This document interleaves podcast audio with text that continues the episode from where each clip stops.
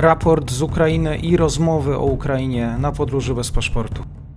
Dzień dobry wszystkim słuchaczom. Mamy czwartek, 10 marca, kolejny dzień inwazji Rosji na Ukrainę. To już 15 dzień. E, co się działo w nocy, opowie e, Michał Marek, e, Fundacja Centrum Badań nad Współczesnym Środowiskiem Bezpieczeństwa. Dzień dobry. Dzień dobry, witam serdecznie. W nocy strona rosyjska przeprowadziła szereg bombardowań Atakiem bombowym został objęty m.in. Żytomierz, Ochtyrka, Charków. Tutaj szczególnie Rosjanie skoncentrowali się na niszczeniu obiektów cywilnych.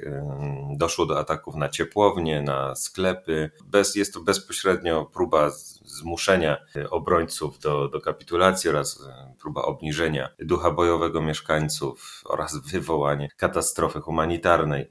Bombardowania ciepłowni doprowadziły do tego, iż poważne części miasta, takie właśnie jak Żytomierz, jak e, Ochtyrka zostały odcięte od ciepłej wody. Bombardowanie sklepów, co widzimy na, na nagraniach przesyłanych do sieci właśnie przez świadków tych wydarzeń. No, bombardowania sklepów też również mają na celu wywołanie problemu z zaopatrzeniem, wywołanie katastrofy humanitarnej. Rosjanie kontynuują tą taktykę, która, w cudzysłowie taktykę, która już nam towarzyszy od dłuższego czasu, a która szczególnie stosowana jest w Charkowie, w Czernichowie, w Mariupolu. E, Rosjanie podejmują przy tym e, próby zbliżenia się do, do Kijowa od wschodu.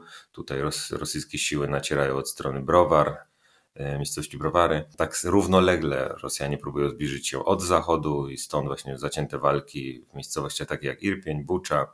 Siły ukraińskie oczywiście stawiają opór, wstrzymują, e, wstrzymują stronę rosyjską, jednakże walki te toczą się Rosjanie cały czas, właśnie koncentrują się na przejęciu, na otoczeniu Kijowa, to jest traktowane jednak zajęcie Kijowa, czy też otoczenie Kijowa, nadal traktowane jest przez Rosjan jako kierunek priorytetowy. Siły zbrojne Ukrainy e, potwierdzają przy tym informacje o gromadzeniu przez Rosjan Sił w okolicach Mikołajowa, czyli tutaj kierunek już południowy. E, na ten moment oczywiście walki trwają, Rosjanie cały czas próbują e, zbliżać się do Mikołajowa, jednakże nie doszło do jakiegoś zasadniczego szturmu, zasadniczego ataku, który zagrażał, zagrażałby ukraińskiej kontroli nad tym miastem. Możemy jednak spodziewać się, że w najbliższych dniach, czy też e, już dzisiaj dojdzie do poważniejszych działań mm, na tym kierunku. Jeżeli chodzi o wschodnie kierunki, e, to między innymi Rosjanie starają się połączyć siły idące z okupowanych obszarów e, obwodu ługańskiego e, z siłami zgromadzonymi obok Charkowa. Tutaj próbują odciąć siły ukraińskie, które utrzymują się, które są zebrane na północ od miejscowości Izium.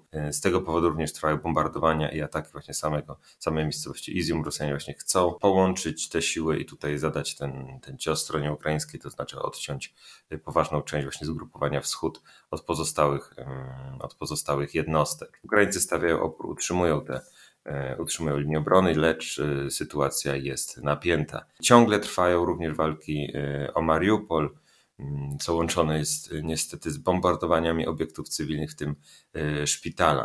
Y, warto tu zaznaczyć, że Rosjanie oficjalnie przyznali się do tego, że zbombardowali szpital w Mariupolu. Tu wypowiedź, warto przytoczyć wypowiedź Marii Zacharowej, która stwierdziła, że doszło do bombardowania, lecz jak zaznaczyła, rzekomo w tym szpitalu nie było, nie było nikogo prócz sił nacjonalistycznych, nie było tam nikogo, tylko ukraińscy nacjonaliści, dlatego już ten szpital został bombardowany. No jest to oczywista nieprawda, świadczyło o tym chociażby fotografie pokazujące rannych ludzi wynoszonych kruzowisk. Mm, sytuacja ogólnie jest e, stabilna, e, sytuacja na froncie, linia frontu jest utrzymywana, jednakże zacięte walki trwają, szczególnie na tych kierunkach, które wymieniłem. Siły ukraińskie utrzymują się, lecz niestety sytuacja wygląda coraz gorzej, szczególnie w Mariupolu, właśnie jeżeli chodzi o tą sytuację humanitarną.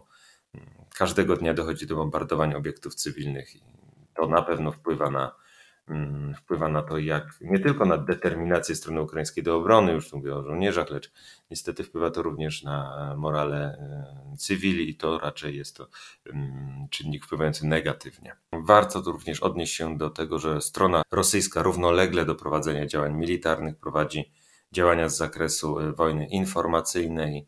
Tutaj Rosjanie starają się zrzucić e, odpowiedzialność za, zrzucić odpowiedzialność za cierpienia ukraińskich cywili właśnie na Ukrainę. E, rosyjskie środki dezinformacyjne publikują kadry, między innymi publikują kadry ostrzału e, ukraińskich miejscowości, które opisywane są jako bombardowania dokonywane rzekomo przez siły zbrojne Ukrainy. Tutaj na przykład pokazał, pokazał się, jest opublikowany przekaz o tym, że Ukraińcy z gradów bombardują, z tą grad bombardują przedmieścia Mikołajowa. No jest to informacja absolutnie e, absurdalna. Ukraina oskarża się przy tym o blokowanie korytarzy humanitarnych, e, eksponuje się wątek rzekomych przygotowań Ukrainy do ataku chemicznego, do ataku z użyciem broni biologiczno-chemicznej. Jest to bezpośrednie rozwinięcie wątku, który przejawił się wczoraj, dotyczącego rzekomej obecności amerykańskich laboratoriów chemicznych na Ukrainie, które miały zajmować się produkcją właśnie broni chemicznej.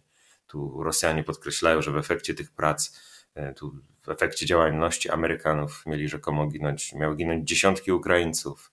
No ta narracja jest przerzucana również do polskiej infosfery i mm, poprzez e, oskarżanie Ukrainy, e, przepraszam, oskarżanie Stanów Zjednoczonych o produkowanie na Ukrainie broni biologiczno-chemicznej, Rosjanie starają się stymulować w Polsce nastroje antyamerykańskie, starają się budować jakby narrację o tym, że Rosjanie musieli zaatakować Ukrainę właśnie z powodu przeciwdziałania e, tym e, laboratorium amerykańskim. Poprzez tego rodzaju właśnie stymulowanie nastrojów antyamerykańskich z kolei Rosjanie podejmują działania mające służyć dezintegracji NATO. Pojawiają się przy tym doniesienia o tym, że Rosjanie mm, w efekcie działań zbrojnych odcięli możliwość dostaw prądu do elektrowni w Czarnobylu. To z kolei wpływa na to, iż nie są chłodzone składy zużytego paliwa, które e, są składowane właśnie w elektrowni. I te informacje potwierdza strona y, ukraińska.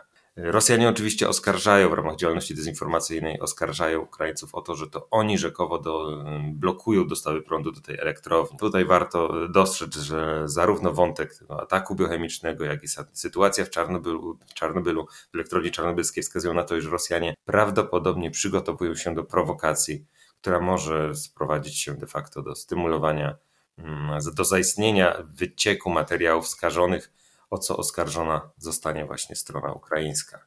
Tutaj sytuacja wydaje się być poważna, lecz warto podkreślić, że nie zagraża nam bezpośrednio, więc można, mm, można apelować o to, aby no nie ma powodów do paniki, która wkrótce może być w Polsce poprzez działania dezinformacyjne stymulowana przez Rosjan, właśnie chociażby poprzez działalność w naszych sieciach społecznościowych. I tu warto też podkreślić, że osobom, które natrafią na informacje na temat wzrostu stopnia promieniowania w Polsce, polecam weryfikować te informacje na oficjalnej stronie Państwowej Agencji Atomistyki. No, instytucja ta prowadzi m.in. swoje konto na Twitterze, gdzie na bieżąco publikowane są informacje na temat sytuacji radiacyjnej w kraju.